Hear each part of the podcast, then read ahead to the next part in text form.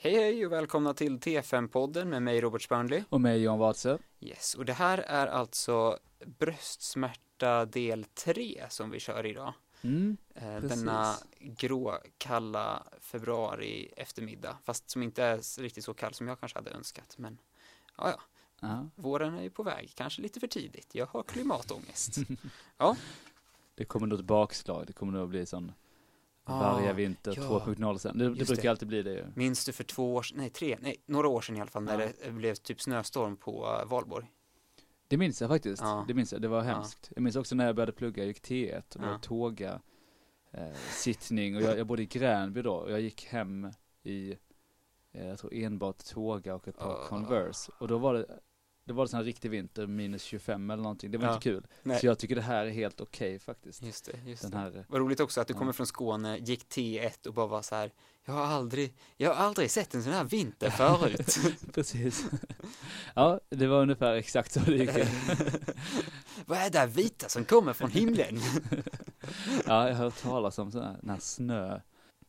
Ja, det, det där var ungefär min, min bästa skånska, jag hoppas du inte tar illa upp. Äh, nej, jag, jag är väldigt van. Eh, Ja, men jag kan tänka mig det faktiskt. det sägs också att skån, eh, skånska är en charmig dialekt, brukar ju Men det är det ju. eh, ja, men ligga högt på listorna Mm. över de Det är Ja. sant, det är sant. Sån här bästa dialekterna. lite Ranelidskånska. Ah, usch, nej, okej, nej.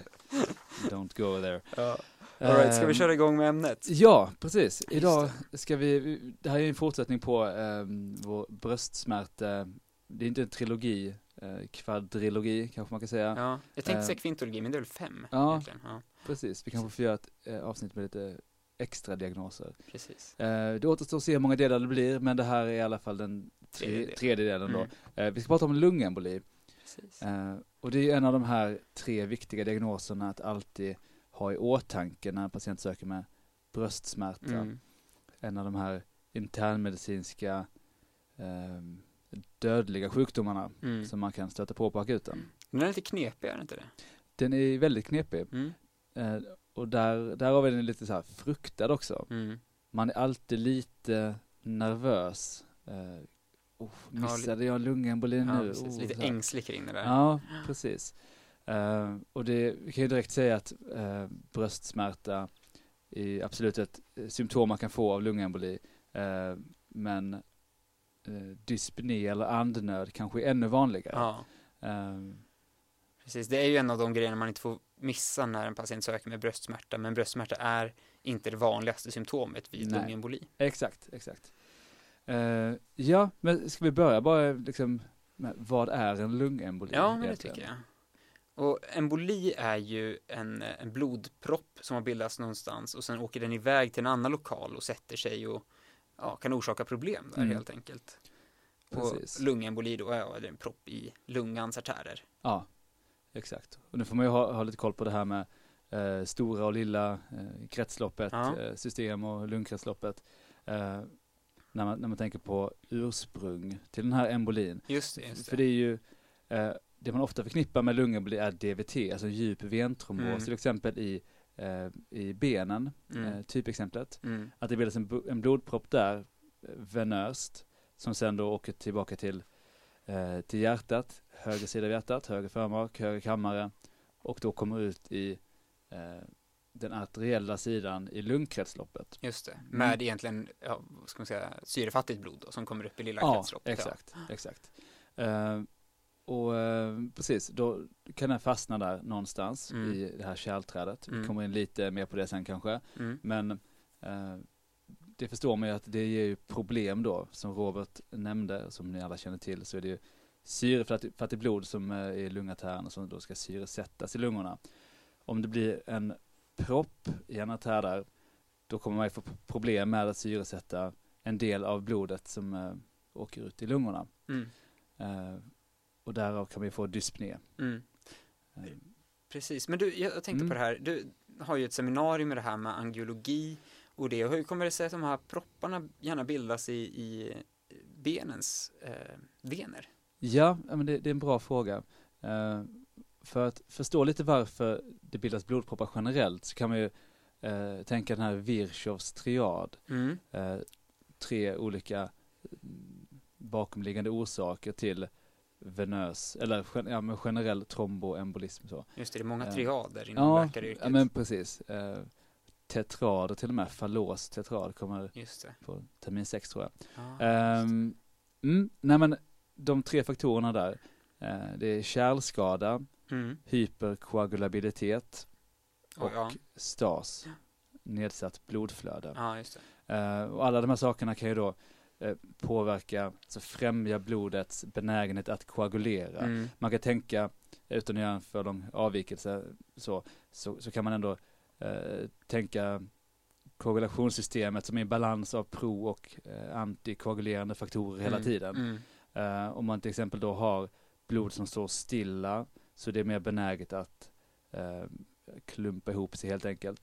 Um, har man en kärlskada, då vill ju kroppen såklart täppa till den här kärlskadan. Ja, det. Det behöver inte vara ett sår, alltså ett faktiskt liksom en ruptur i ett kärl, utan Nej. det kan vara ateroskleros till exempel, eh, som ju fungerar på något sätt som en kärlskada. Ja. Ehm, och hyperkoagulabilitet, där har vi ju eh, till exempel medfödda eh, rubbningar i ko- koagulationssystemet. Mm. Det kan också vara förvärvade rubbningar. Mm. Eh, och man kan ju tänka sig till exempel då en, en malignitet där man har generellt inflammatoriskt och prokoagulatorisk tillstånd i kroppen. Precis, det är lite Eh, diffust det där med, det är mm. massa saker som ingår i det här, eller som kan orsaka hyperkoagulopati, Ja, precis. kallar man det? Hyperkoagulopati. Ja, men precis. Eller hyperkoagulabilitet. Om man, vill inte sätta. Om man inte vill sätta en, en sjukdomsstämpel Ja, på det. det, en det. parti. Så.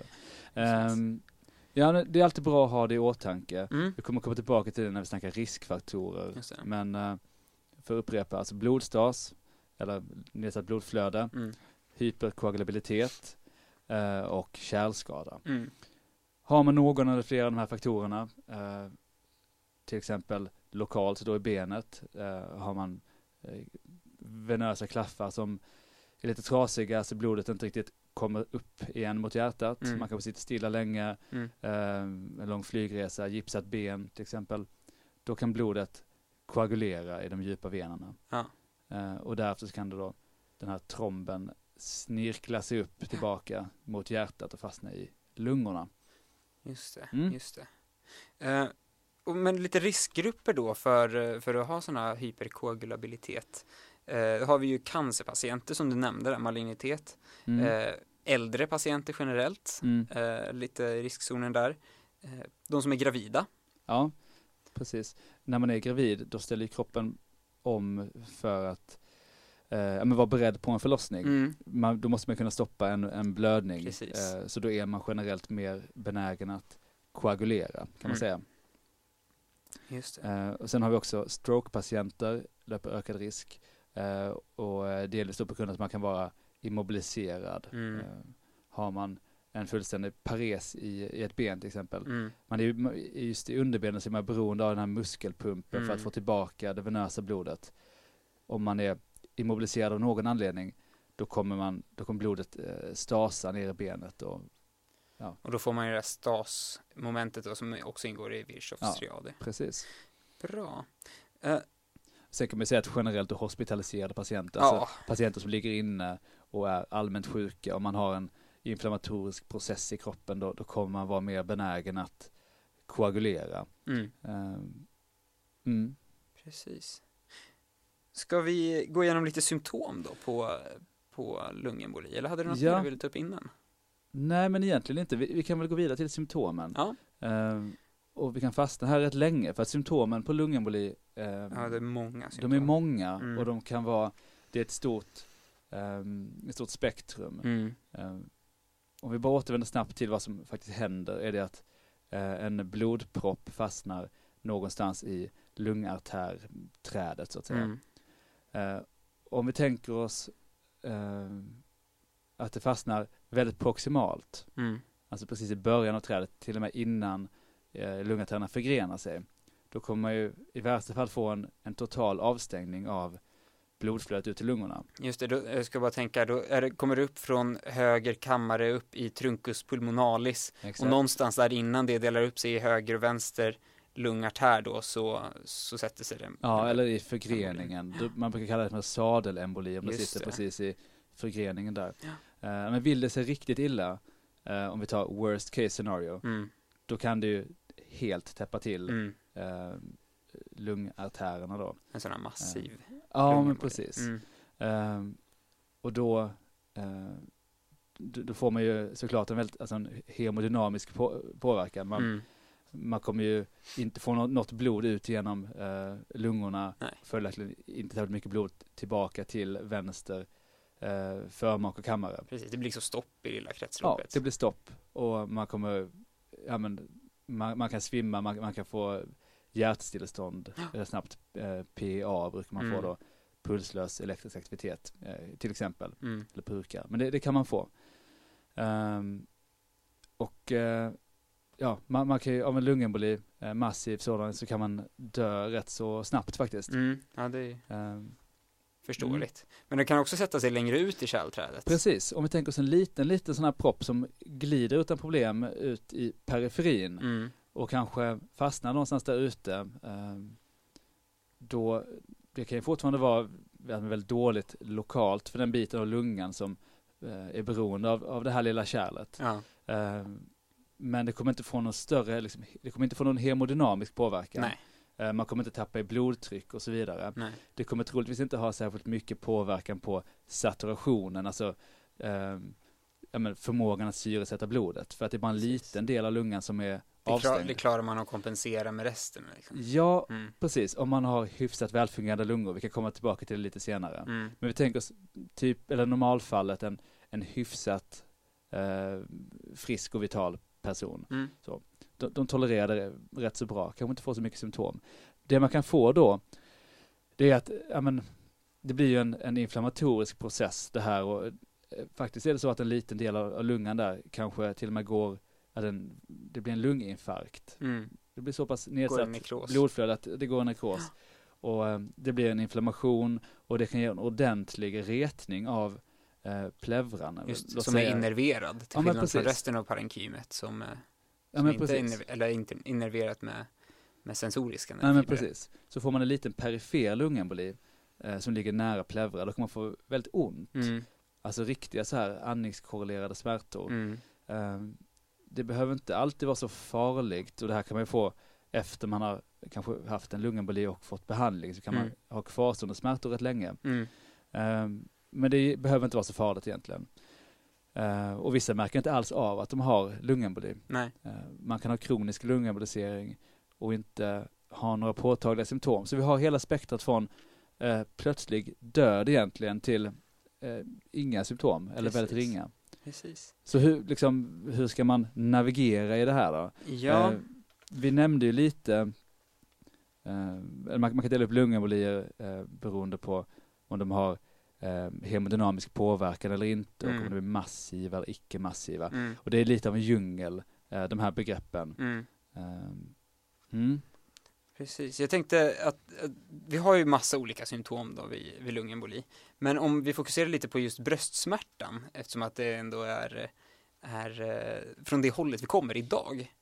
Eh, så tänkte jag, om, om du skulle få, precis som vi gjorde i förra avsnittet när vi pratade om smärta vid AKS, Ja. om du vill, eh, vill gissa dig fram till vad, vad Susanne Järhult skriver om, om smärta vid lungemboli enligt OPQRST. Mm.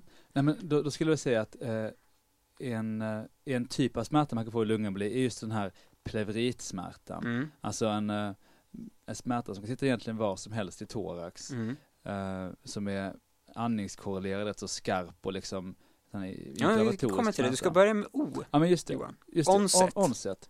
Ehm, ja men, ja, bra fråga. Jag- det, om jag får göra en liten avvikning, jag kan tänka mig att man kan också ha, om man har en större lungemboli, att man kan få med den här diffusa liksom tryck över bröstet känslan Mm. eh, som hänger ihop med dyspné också, som man kan kategorisera som en form av bröstsmärta. Mm. Men den här lite mer eh, inflammatoriska retningen av pleura, eh, den borde ju inte komma liksom pang, utan det borde ju ta en liten stund för det här inflammatoriska eh, processen att utvecklas. Mm. Här står det att den oftast är plötsligt påkommen. Ja. Okej, ja, Mm. ja men där ser man. Mm. Eh, och det kan ju vara då, men precis som infarkt i hjärtat, att det kommer, kan utvecklas ganska snabbt då, Mm. den här eh, men ischemiska smärtan egentligen. Eh, Ja, jo, skulle nej, kunna det, vara absolut. på det viset. Eh, P då, position. Eh, ja men, jag skulle säga vad som helst egentligen i thorax. Jajamän, kan Ja. vara var som helst i thoraxregionen. På Q då, quality. Ja, Pratade lite om det redan. ja men precis. Alltså den här pleuritsmärtan är en rätt så skarp och ehm, ja, jag vet inte om man ska säga den som en brännande eller liksom, ja men Huggande. huggande. Ja, Kan, både, kan vara både tryckande, kramande eller huggande. Vanligaste pleuritsmärta står det. mm, Och det är precis som du säger då. Och det är ju typiskt med den här andningskorrelationen. När pleurabladen gnids mot varandra och då pleura par, eh, viscerale egentligen framförallt kanske är det som är retat.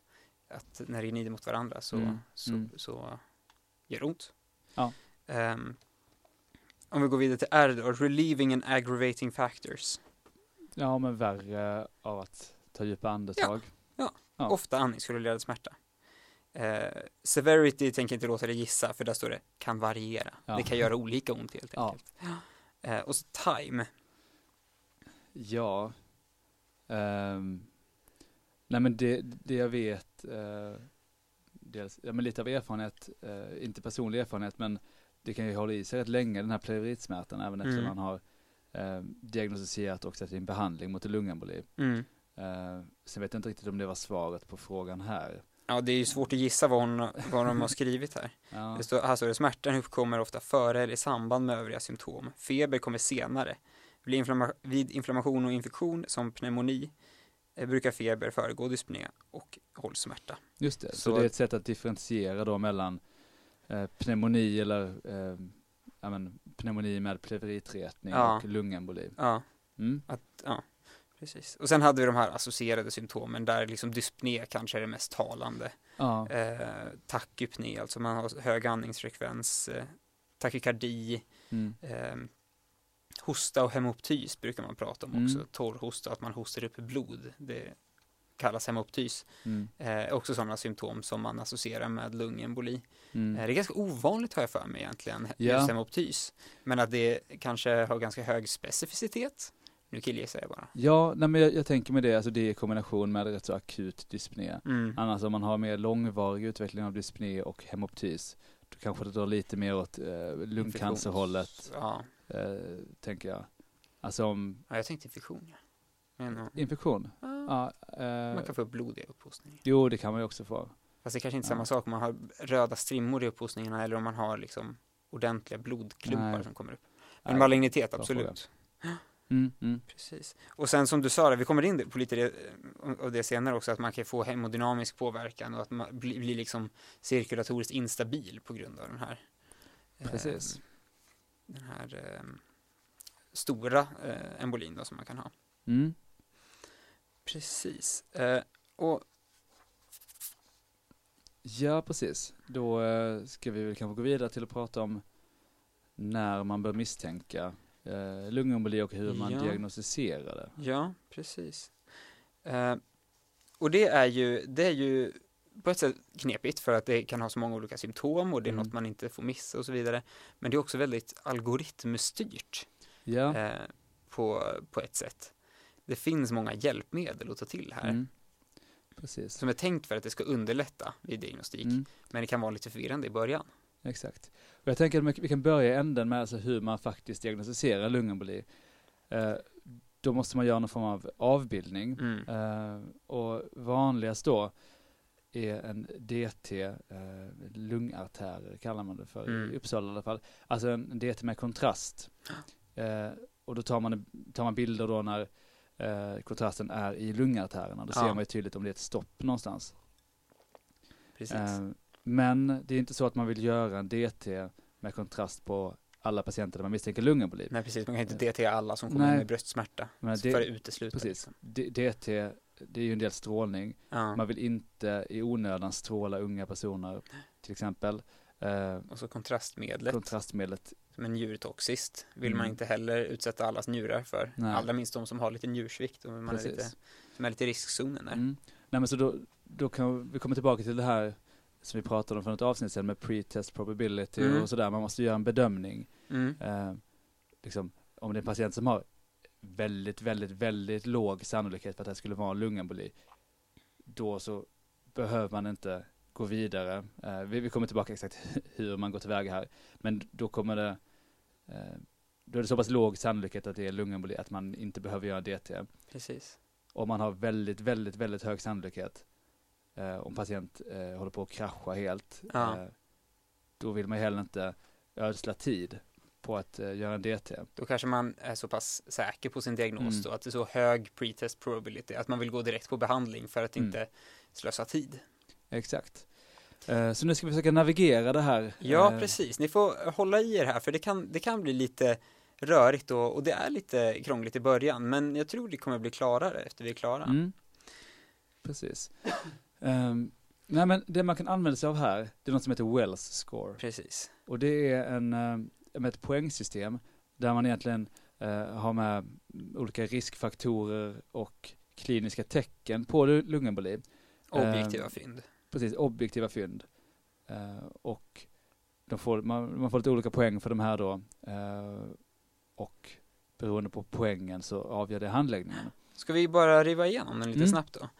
Dels ska, om man har kliniska tecken på DVT, alltså djup ventrombos, det här vi pratade om tidigare i mm. benet där propparna kan kan ha sitt ursprung. Då får man tre poäng bara där. Ja, och då vill jag bara direkt säga att det finns ju en well score för DVT också. Ja. Så det är viktigt att hålla, hålla isär de här.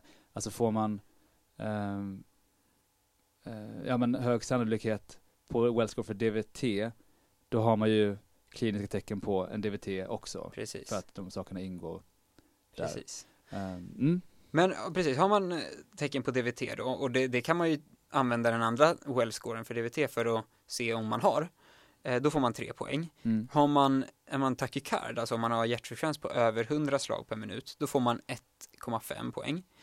Hemoptys, det vi pratade om tidigare, det där med att man hade blodiga upphostningar, får man en poäng. Eh, och immobilisering och kirurgi, det, det står med som en, en, här. Och då ska man vara noggrann med att det, det gäller mer än tre dagar i sträck att man har varit immobiliserad sängliggande mm. eller kirurgi inom fyra veckor.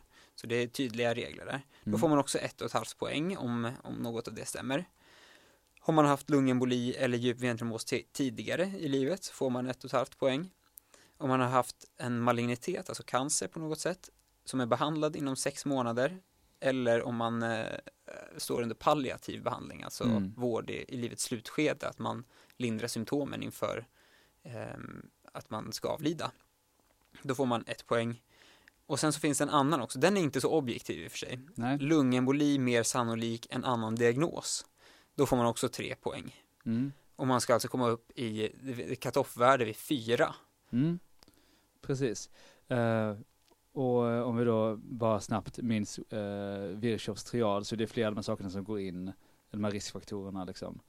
Uh, mm. Som immobilisering mm. eller malignitet då hyperkoagulabilitet. Precis. Mm. Eh, och med cut-off-värde på fyra menar jag att om du har mer än fyra poäng, då har du hög sannolikhet att det rör sig om en, en lungemboli. Mm. Och om du har under fyra poäng, eller upp till fyra poäng, då är det låg sannolikhet att det rör sig om lungemboli. Mm.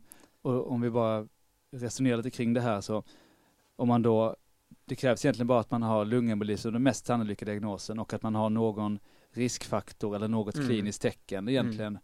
på lungemboli, mm. då har man automatiskt hög misstanke om lungemboli. Ja. Eller det, det är hög pretest probability. Ja. Och om, man då kommer in, om, om säg att det kommer in en patient och så, som får fem, sex poäng på well score, mm. Eh, vad skulle du göra då Johan? Då skulle jag direkt beställa en uh, eh, CT. Precis. Precis, för då har vi så pass hög risk att det rör sig om en lungemboli att vi, vi måste utesluta eller bekräfta det med en, mm. en eh, datortomografi. Precis. Mm. Men det, det blir lite knepigare när de inte riktigt uppfyller de här poängen, får så höga poäng på well-score. Mm. Om man Precis. har låg poäng på well-score då? Ja, det är inte så nödvändigtvis att man bara kan avfärda misstanken då. Nej. Eh, utan det här D-dimer kommer in. D-dimer, eller D-dimer, eh, vet inte riktigt hur man bör uttala det. D-dimer. D-dimer. Eh, det är då ett, eh, ett prov som stiger det är en nedbrytningsprodukt av fibrin. Just det. Så det, det stiger då om man har en, en propp ja. någonstans i kroppen. Grejen är att det stiger också av massa andra saker. Ja. Det stiger om man har en inflammation i kroppen av någon anledning som helst egentligen. Det stiger om man har Precis. malignitet och sådär. Så vi kan säga att sensitiviteten är väldigt hög men specificiteten är väldigt låg. Exakt. Och sådana prover är ju bäst att använda för att utesluta någonting. Just det. För att i och med att det är väldigt känsligt så det stiger om man har en, en propp någonstans i kroppen. Men om man är fullt frisk så? Och precis, och inte har en propp då så eh, om, det då, om det då är lågt eller normalt då kan man med rätt hög sannolikhet utesluta mm. propp. Mm. Um, precis, så man då med wellscore får uh, fyra poäng eller mindre. Mm. Då så kan man ta ett D-dimer och om det är negativt då kan man med hög sannolikhet utesluta lungemboli. Mm. Med det sagt så kan man inte 100% utesluta lungemboli. Nej. Men alltså 97% eller något sånt. Som är sensitiviteten typ på delning ja, ner. Exakt, så att alltså det är så pass bra på att utesluta det att man, uh, ja, man, man kan säga då kan man Man kan släppa hem patienten. Då har man gjort sitt bästa helt ja, enkelt. Ja, men precis. Och det är också värt att veta att det är väldigt sällan i, inom medicin som man kan med 100% sannolikhet säga någonting. Mm. Så om man är uppe där på 90, 95, 97% då mm. är det gott nog. Mm. Det finns ju mm. en annan skattningsskala också bara för att förvirra lite mer som kallas för PERC, P-E-R-C, står för Pulmonary Embolism Rule Out Criteria. Och den här, eh, den finns inte med egentligen i Uppsalas PM för lungemboli, men den finns med på många andra ställen, kan vara bra att känna till, tänker jag. Mm. Och det är ju då eh, ett sätt att att för patienter som har väldigt låga poäng på Wellscore, då talar vi noll poäng eller möjligtvis ett poäng mm. på Wellscore, kan man använda den här för att se om, eh, om personen man kan utesluta lungemboli i princip. Mm. Och i den så är det då att man är under 50 år, eh, har en puls som är under 100, man tar saturation och kollar så att den är över 94 procent utan syrgas. Eh, om man aldrig har haft lungemboli eller djupventrombos, inget nyligt trauma eller kirurgi, ingen hemoptys, ingen östrogenbehandling och inga tecken på DVT.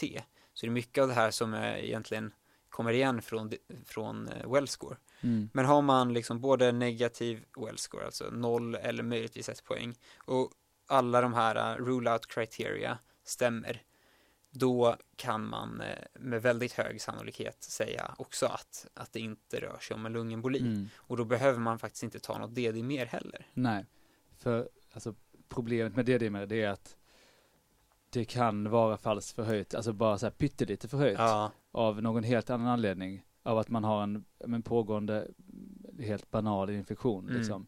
Eh, men om man då följer de här eh, PMen, om det är positivt, då måste man gå vidare med en, en, DT. Precis, om det är en ung person som egentligen man har väldigt låg risk eh, så känns det onödigt att behöva stråla den personen ja, så pass mycket. Ja, som, det är ändå en riskfaktor, en reell riskfaktor Definitivt. för att få uh, eh, liksom, strålinducerade skador. Ja, precis. Uh, nej men så det, det är en bra uh, algoritm att, att använda. Mm. Men den använder man då när man har enligt Wellscore väldigt låg misstanke. Mm. Alltså egentligen inga, alltså knappt några riskfaktorer eller kliniska tecken då. Uh, det blir det som noll eller en poäng innebär. Ja. Och som sagt tidigare, jag tror inte det tillämpas officiellt i Uppsala. Sen möjligtvis att man använder sig av det då och då i alla fall. Men, men det står med mm. i mycket av litteraturen som Ja, precis. Um, jag lyssnade på en, en podcast, um, heter Emergency Medicine Cases, mm. uh, kanadensisk podcast som jag kan rekommendera alla att lyssna på, den är jättebra. Där pratar de om just lungemboli uh, och de rekommenderar att man använder den här. Ja. Uh, det finns ytterligare sådana här system som, som ja. var lite mindre validerade, men, ja. men PERC som jag förstått är, är väl validerat också i mm. vetenskapen. Mm. Precis, finns med både på UpToDate och i akut eh, sjukvårdboken där Mm. som, som är kurslitteratur. Precis, det är också, eh, ska bara säga det, viktigt att de här eh, scoringsystemen, de ska ju användas när man aktivt misstänker lungemboli. Mm. Eh, man kan liksom inte eh, använda dem på någon där man inte ens tänker lungemboli och sen Nej. bara säga att du har absolut inte en lungemboli. Precis. Utan de här plockar man fram när man bara, hmm, kan det vara lungemboli? Precis. Eh, Det kanske är självklart, men, men det, ja. Ja, det, det ska inte användas som allmän screening på alla patienter. Nej, men, exakt, det är väl det som är poängen. Ja. Mm. Bra. Eh, men Ska vi bara repetera det här? Ja, men det tycker jag vi gör. Misstänker man lungemboli, då använder man sig av well score. Först. Mm. Ja. Eh, får man noll eller en poäng där, då så kan man använda perk. Eh, och har man då noll poäng på perk, då kan man utesluta eh, lungemboli. Ja. Får man något poäng där på perk, eh, då måste man gå vidare med D-dimer. Yes. Mm. Och är den förhöjd så måste man gå vidare med en DT thorax med kontrast. Precis. Ja. Och om man då går tillbaka till Wells och vi får eh, 2, 3, 4 poäng, det vill säga lite sådär intermediär, låg misstanke, mm. eh, så tar man ett D-dimer. Yeah. Om det är negativt, då kan man avfärda lungemboli, men yeah. är det positivt så måste man gå vidare med en DT. Och får man fem eller mer poäng, Fyra och ett halvt eller mer? Fyra och ett halvt mm. eller mer, exakt. Får man mer än fyra poäng, då så måste man gå vidare med en DT direkt. Yes. Och då, då skippar man helt DD-dimer för att även om det är negativt så kan man ändå inte avfärda eh, lungembolimisstanken eftersom man har så, så pass mycket kliniska tecken eller yeah. riskfaktorer. Precis. Mm. Ja, eh, och eh, säg då att, att man har en patient där man har gjort en, en DT-thorax och man ser att här finns det ju lungembolier. Eh, då ska man ju behandla den här patienten. Ja, precis. Och, och, där finns det ju också lite olika algoritmer beroende på uh, symptom och hur allvarligt det är och liksom patientens ålder och så vidare. Mm. Och det finns faktiskt ytterligare ett scoringsystem som kan vara bra att använda här. Mm. Roligt med scoringsystem på lungemboli. Det gäller bara ja. att hålla tungan rätt i mun. Och det heter SPSI, S-P-E-S-I. Och uh, det som är där, det är om man har, eh, man får ett poäng om man är över 80 år man får ett poäng om man har någon typ av cancer. Man får ett poäng om man har kronisk lungsjukdom eller hjärtsvikt. Ett poäng om man har hjärtfrekvens över 110 slag per minut. Ett poäng om man har under 100 i millimeter kvicksilver i systoliskt blodtryck. Och ett poäng om man har under syrgassaturation. Men har man noll på alla de här, då kan man faktiskt överväga om patienten kan gå hem från akuten och behandlas för sin lungemboli polikliniskt. För då vet man att okej, okay, patienten mm. har en lungemboli, men det är så pass lindrigt liksom symptommässigt att eh, jag tror inte den här patienten kommer bli hemodynamiskt instabil eller krascha eller må särskilt dåligt om jag skickar hem den och, eh, och med behandling förstås, ja, men, men eh, att man kan följa upp den via en mottagning senare. Mm. Eh, och det besparar ju eh, patienten liksom hela det obekväma att, att bli inlagd på sjukhus och, och hela den biten. Och har man liksom en tillräckligt frisk och kry patient så, så finns det ingen anledning till att den ska ligga inne. Liksom. Nej, precis. Och bara för att hänga upp de här, alltså alla de här scoring-systemen, de kan vara lite svåra att minnas, men ja. vad det här säger det är ju dels hur sjuk är patienten i botten, vad har, vad har patienten för marginaler, ja och hur pass eh, allvarliga symptom har de nu, som på något sätt blir en proxy för hur, hur stor lungemboli de har. Ja, det var bra som du sa där med marginalerna, alltså mm. hur, hur... För, för marginalerna är superviktiga här. Mm. Alltså, eh, det är ju inte nödvändigtvis storleken på lungembolin som avgör symptomen, Nej. utan det är mycket vad patienten har för reserver. Om man är hjärt och lungsjuk från början, mm. då kan en rätt så liten lungemboli tippa över. Men om man är tidigare frisk, och jag har hört fallrapporter då på folk som har haft alltså, riktigt uttalade lungembolier mm. men knappt haft några symptom. Mm. Eh, Medan motsvarande lungemboli hade dödat en eh, i botten sjukare gamling, liksom. patient. Liksom. Mm. mm. Precis.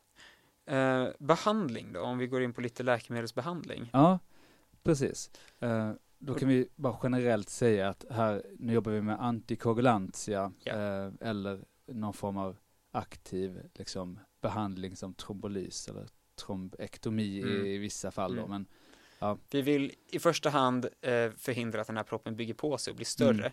och i vissa fall även lösa upp proppen mm. för att den just nu orsakar så mycket problem att vi bedömer det som att, eh, att en, en trombolys, alltså upplösning av proppen, skulle gynna patienten ja. eh, och göra den friskare. Ja. Och det är ju patienter som kan förmodas dö av den här lungabolin. Mm. Um, inom rätt så kort ja. egentligen. De flesta får ju inte trombolys. Nej. Utan de flesta sätter man in någon typ av antikoagulantia och vanligast är, är DOAC, alltså orala antikoagulantia. Mm. Um, sådana ofta faktor 10A-hämmare mm. som eh, eh, eh eller Quiz eller, eller Sarelto. Mm. Jag eh, kan bara snabbt säga att det här DOAC, säger Robert nu, det är samma sak som NOAC. Det är så här, kärt barn har många namn. Ja. Eh, det står för direktverkande tror jag. Det det kanske. Uh, men n i NOAC står antingen för non-vitamin K eller new. Ja. uh, så att det är lite förvirrande här men om det är OAC någonting mm. då snackar vi om de här nya sortens antikoagulantia. De är inte jättenya längre. Nej. Men, uh, de var ju länge nya kan ja, man men säga. precis. Där man för, förut använde varan använder man exakt. de här nu. Och det använder man i vissa fall även nu fortfarande för det finns ju patienter med väldigt dåliga njurar eller som är väldigt eh, kraftigt överviktiga så finns det inte studier på eh, liksom NOACs effekt. Så då med varan man använt så länge, där har man liksom jättemycket studier. Ja. Så på de här lite specialfallen, då kan det bli att man sätter in en patient på varan istället mm. för de här nya. Mm. Precis, och i, i vissa fall så kan man väl också ha dem på fragmin till mm. och med, att de får gå hem med sprutor. Det Precis. vet jag att jag har haft någon patient med faktiskt. Ja, jag med som står mm. på fragmin hela tiden. Och det, det handlar ju också om att det är eh, man, man, har liksom god översikt på att, eh, att det görs. Man kanske har hemtjänst, det kommer och verkligen sprutar in den här sprutan varje dag. En ja. gång om dagen liksom. Och då får man ju väldigt bra compliance. Precis. Och det, det, kan ju till exempel vara då patienter som har eh, en eh, malignitet, en cancer. Mm. För att där finns det, eh, det kommer studier på det här med, med NOAC vid vid cancer som trombosprofylax. Men det, det är inte lika studerat än. Precis. Så då är fragmin ofta förstahandsvalet. Yes. Mm. Eh, bra. Eh, men om vi ska gå in lite på det här på när man gör trombolys då. Ja. Det gör man ju framför allt eh, vid patienter som är hemodynamiskt instabila. Mm. Eh, och det var ju som du var inne på tidigare, har man en tillräckligt stor lungemboli då påverkas hjärtat så pass mycket att, att man, eh, man får en cirkulatorisk eh, instabilitet. Man får en, en chockbild helt enkelt.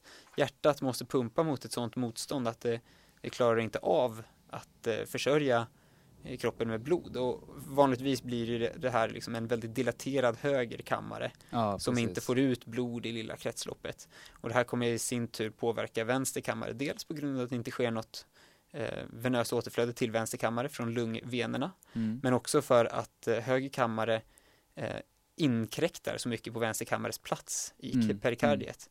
Mm. Att, eh, att vänster kammare inte eh, får något utrymme att arbeta och cardiac output sjunker. Precis. Ehm, och då får man ju liksom en chockbild. Och för att häva det här då är ju, är ju svaret att, ehm, att lösa upp den här proppen så att höger kammare kan få lite lättare att jobba. Man sänker det, eh, det motstånd som högerkammaren måste jobba emot.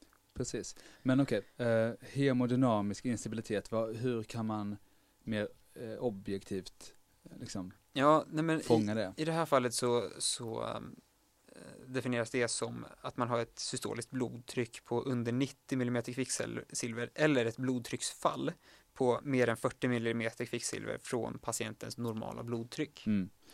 Så det här är ju lite en patient som är eh, i chock eller på vägen i chock mm. kan man ju, om man vill liksom säga det på ett annat sätt. Exakt. Mm. Eh, det finns också de patienterna som har väldigt hög risk att utveckla hypotension.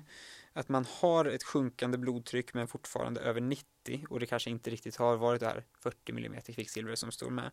Eh, man har dålig vävnadsperfusion, takykardi, högerkammardysfunktion eller myokardskada och det vill säga myokardskada då så mäter man ju troponinsläpp. Mm. Om man har fått eh, stegrade troponinnivåer då med, ser man då att myokardet tar skada av den här dilatationen, att mm. eh, perfusionen inte fungerar som den ska.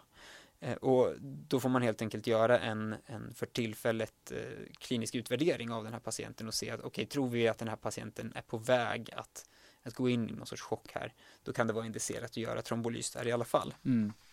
Mm. Precis, och sen så är det ju också eh, gravida med eh, lungemboli Eh, ja, som också är hemodynamiskt instabila då, eh, såklart. Ja.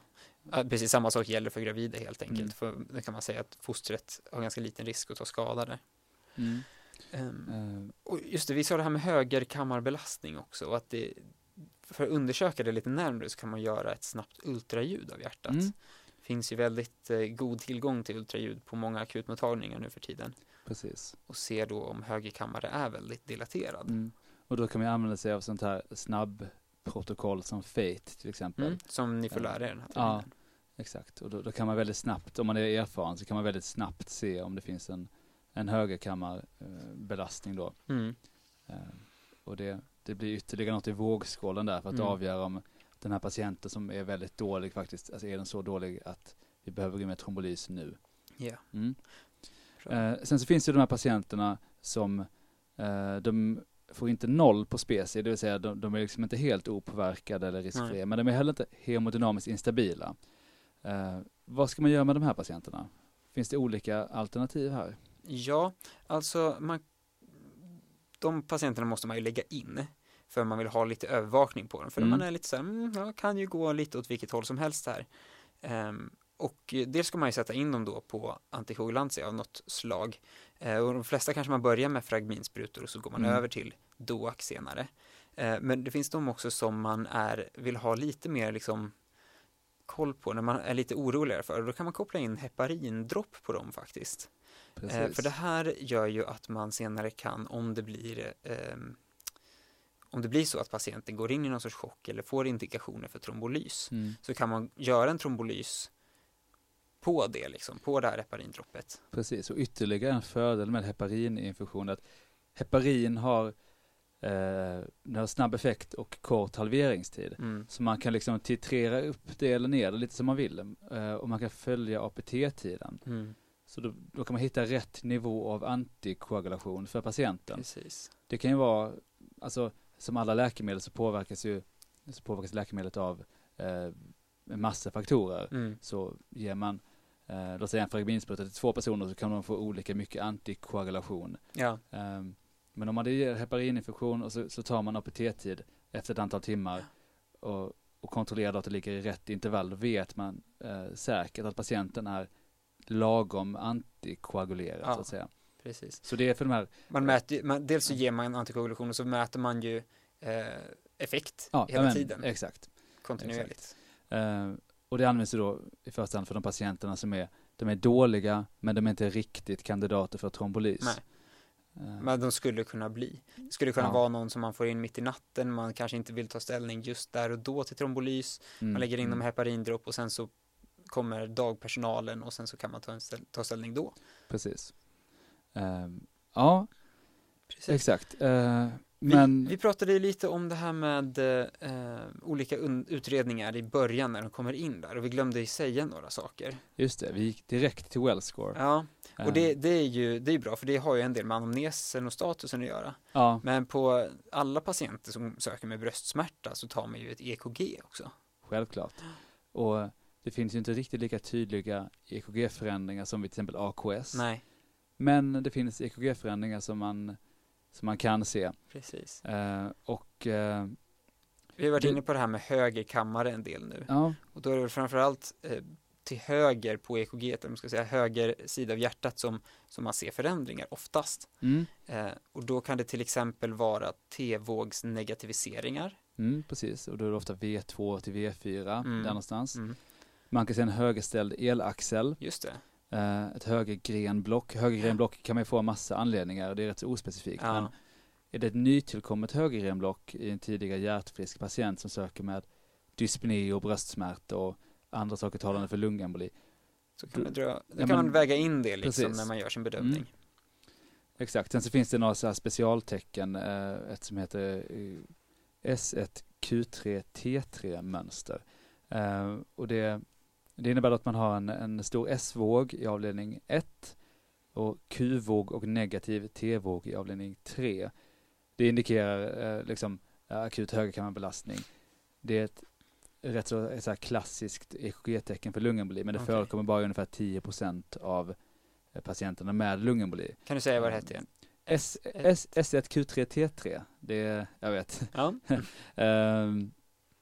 nej men så, så det, det är liksom inte så att om man inte har det så har man inte lungemboli. Nej. Men, men har man det, då så uh, väger det rätt så tungt i den här vågskålen mm. för lungemboli.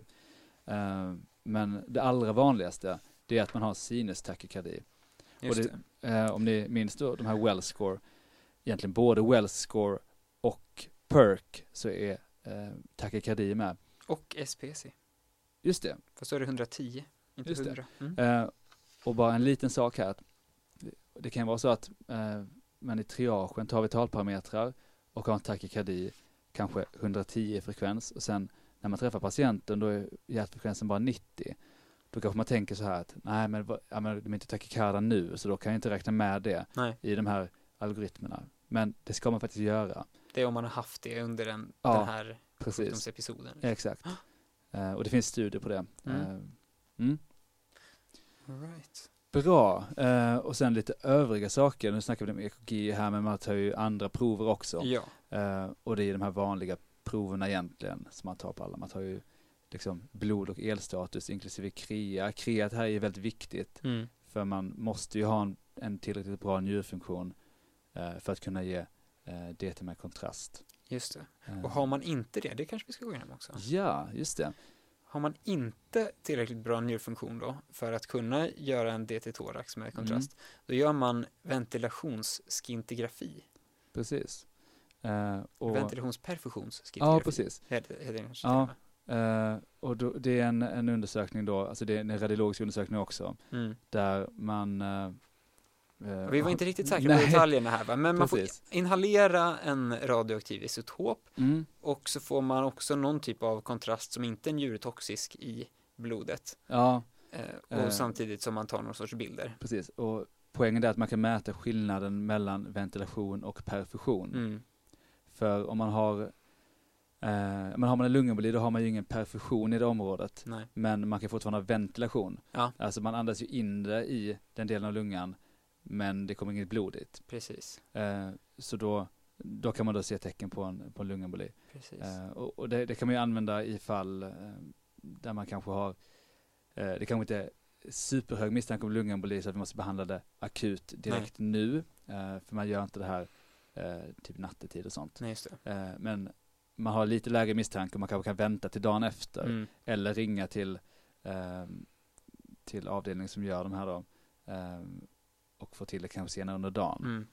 Uh, mm. Bra. Precis. Uh, Sen just det övrig, när man misstänker lungemboli så får man ju ta andra prover också för att tänka differentialdiagnostiskt, alltså mm. blodstatus, CRP, koagulationsstatus, om man tar PK, APT-tid, alla de där proverna. Mm, precis. Eh, och eh, eh, och leverstatus, troponin. Ja, precis. Uh, troponinet är viktigt för det är en, mm. en prognostisk markör. Har man lungemboli och troponinsläpp då betyder det att man har en ordentlig högerkammarpåverkan. Yes. Så det är dåligt. Har man ett uh, eh, CRP, då kanske man tänker så här, men CRP det, det talar ju för att man har infektion. Fast det stiger ju faktiskt vid all sorts inflammation och mm. lungemboli är en inflammatorisk process. Så att det kan ju också stiga av lungemboli. Precis. CRP och DD-mer brukar följas åt ganska väl. Mm. Precis. Så det är sådana här eh, liksom ospecifika, ospecifika prover. Inflammationsparametrar. Ja, exakt. Uh, yes, och sen så kan man ju, uh, eller kan, man bör ta en artärgas om en patient mm. söker med bröstsmärta och svårt att andas. Mm. B-problem. Ja, men precis, ett B-problem. Kan man dra några slutsatser från det? Eller kan man liksom ställa diagnosen lungemboli på Nej, det kan man ju inte. Utan eh, det, det, man kan se där är hur pass eh, hur väl eh, patienten saturerar sig. Och det, det är ju mest differentialdiagnostiskt syfte egentligen mm. vi, vi tar den här. Den har inte så stor så stor betydelse vid just lungemboli. Nej, precis. Alltså, det man ibland kan se att man har både hypoxi och hypokapné, alltså man saturerar sig dåligt men ventilerar ut koldioxid mm, ordentligt. Mm, mm. En differentialdiagnos kan vara kolexacerbation mm. då man ofta retinerar koldioxid. Just det. Alltså man har låg syrgasmättnad men man har hög koldioxidmättnad. Just det. Så, så det kan ha lite differentialdiagnostiskt värde men mm. egentligen um, det, det, finns egentligen inga slutsatser man kan dra eh, om, om just lungemboli, förutom då att man saturerar sig väldigt dåligt. Precis. Ja. Um, just det, vi ser också en annan bra, ett annat bra blodprov att ta är ju BNP. Just det. För att se, då, då får man ju um, det, det, det, utsöndras ju när, när kamrarna dilateras. Mm. Uh, och uh, har man då högre kammarpåverkan så kommer man få högre BNP. Mm. Precis, men då har vi väl gått igenom lite eh, symptomatologin eh, och patofysiologin. Ja. Vi har pratat om eh, diagnostik och behandling. Precis. Kan ju nämna det här att har man en patient med hög misstanke om lungemboli på mm. akuten mm. och man ska skicka dem på eh, en DT, mm. då, då ger man ofta fragmin eh, redan innan patienten åker iväg till, eh, till DT. Mm. Man vill ju, ja, men, återigen det här med pre-test probability, har man hög sådan, då kan man inleda någon form av behandling innan man säkert bekräftar diagnosen. Ja. Så det, det är viktigt att ha i åtanke. Yes, så ja, hoppas att ni har lärt er någonting ja. och eh, det viktigaste kanske med lungemboli, det är att tänka tanken lungemboli. Mm. Eh, I och med att det är så diffusa symptom, eh, allting från knappt någon, några symptom till väldigt uttalade symptom. Mm så måste man tänka att det är lungemboli. Och därför så finns det ju väldigt tydliga eh, liksom utredningsalgoritmer. Men Precis. kom ihåg lungemboli.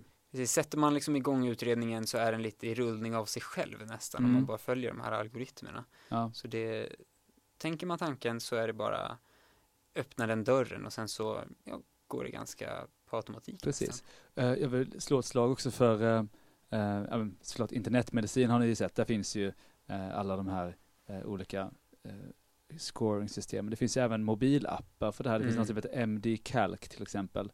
Med massa olika sådana här scoring-system. Så något sånt så kan, kan man ladda ner och ha i mobilen. Precis. Just för att kunna räkna ut well score. Man kanske glömmer bort, eller ja, det är klart man, man glömmer bort det ibland. Ja. Eh, så eh, ni behöver inte lära bara ha i fickan. Ja men liksom. precis, ni behöver inte lära det eh, utan till men kom ihåg det eh, och, eh, och, liksom, och använd dem. Använd det, mm. precis. Bra. Och med det så tackar vi för oss här och ja, nästa avsnitt eh, kommer handla om aortadissektion. Mm. Precis, enkelt. det blir jättespännande. Mycket bra. Tack så mycket, hej då. Hej då.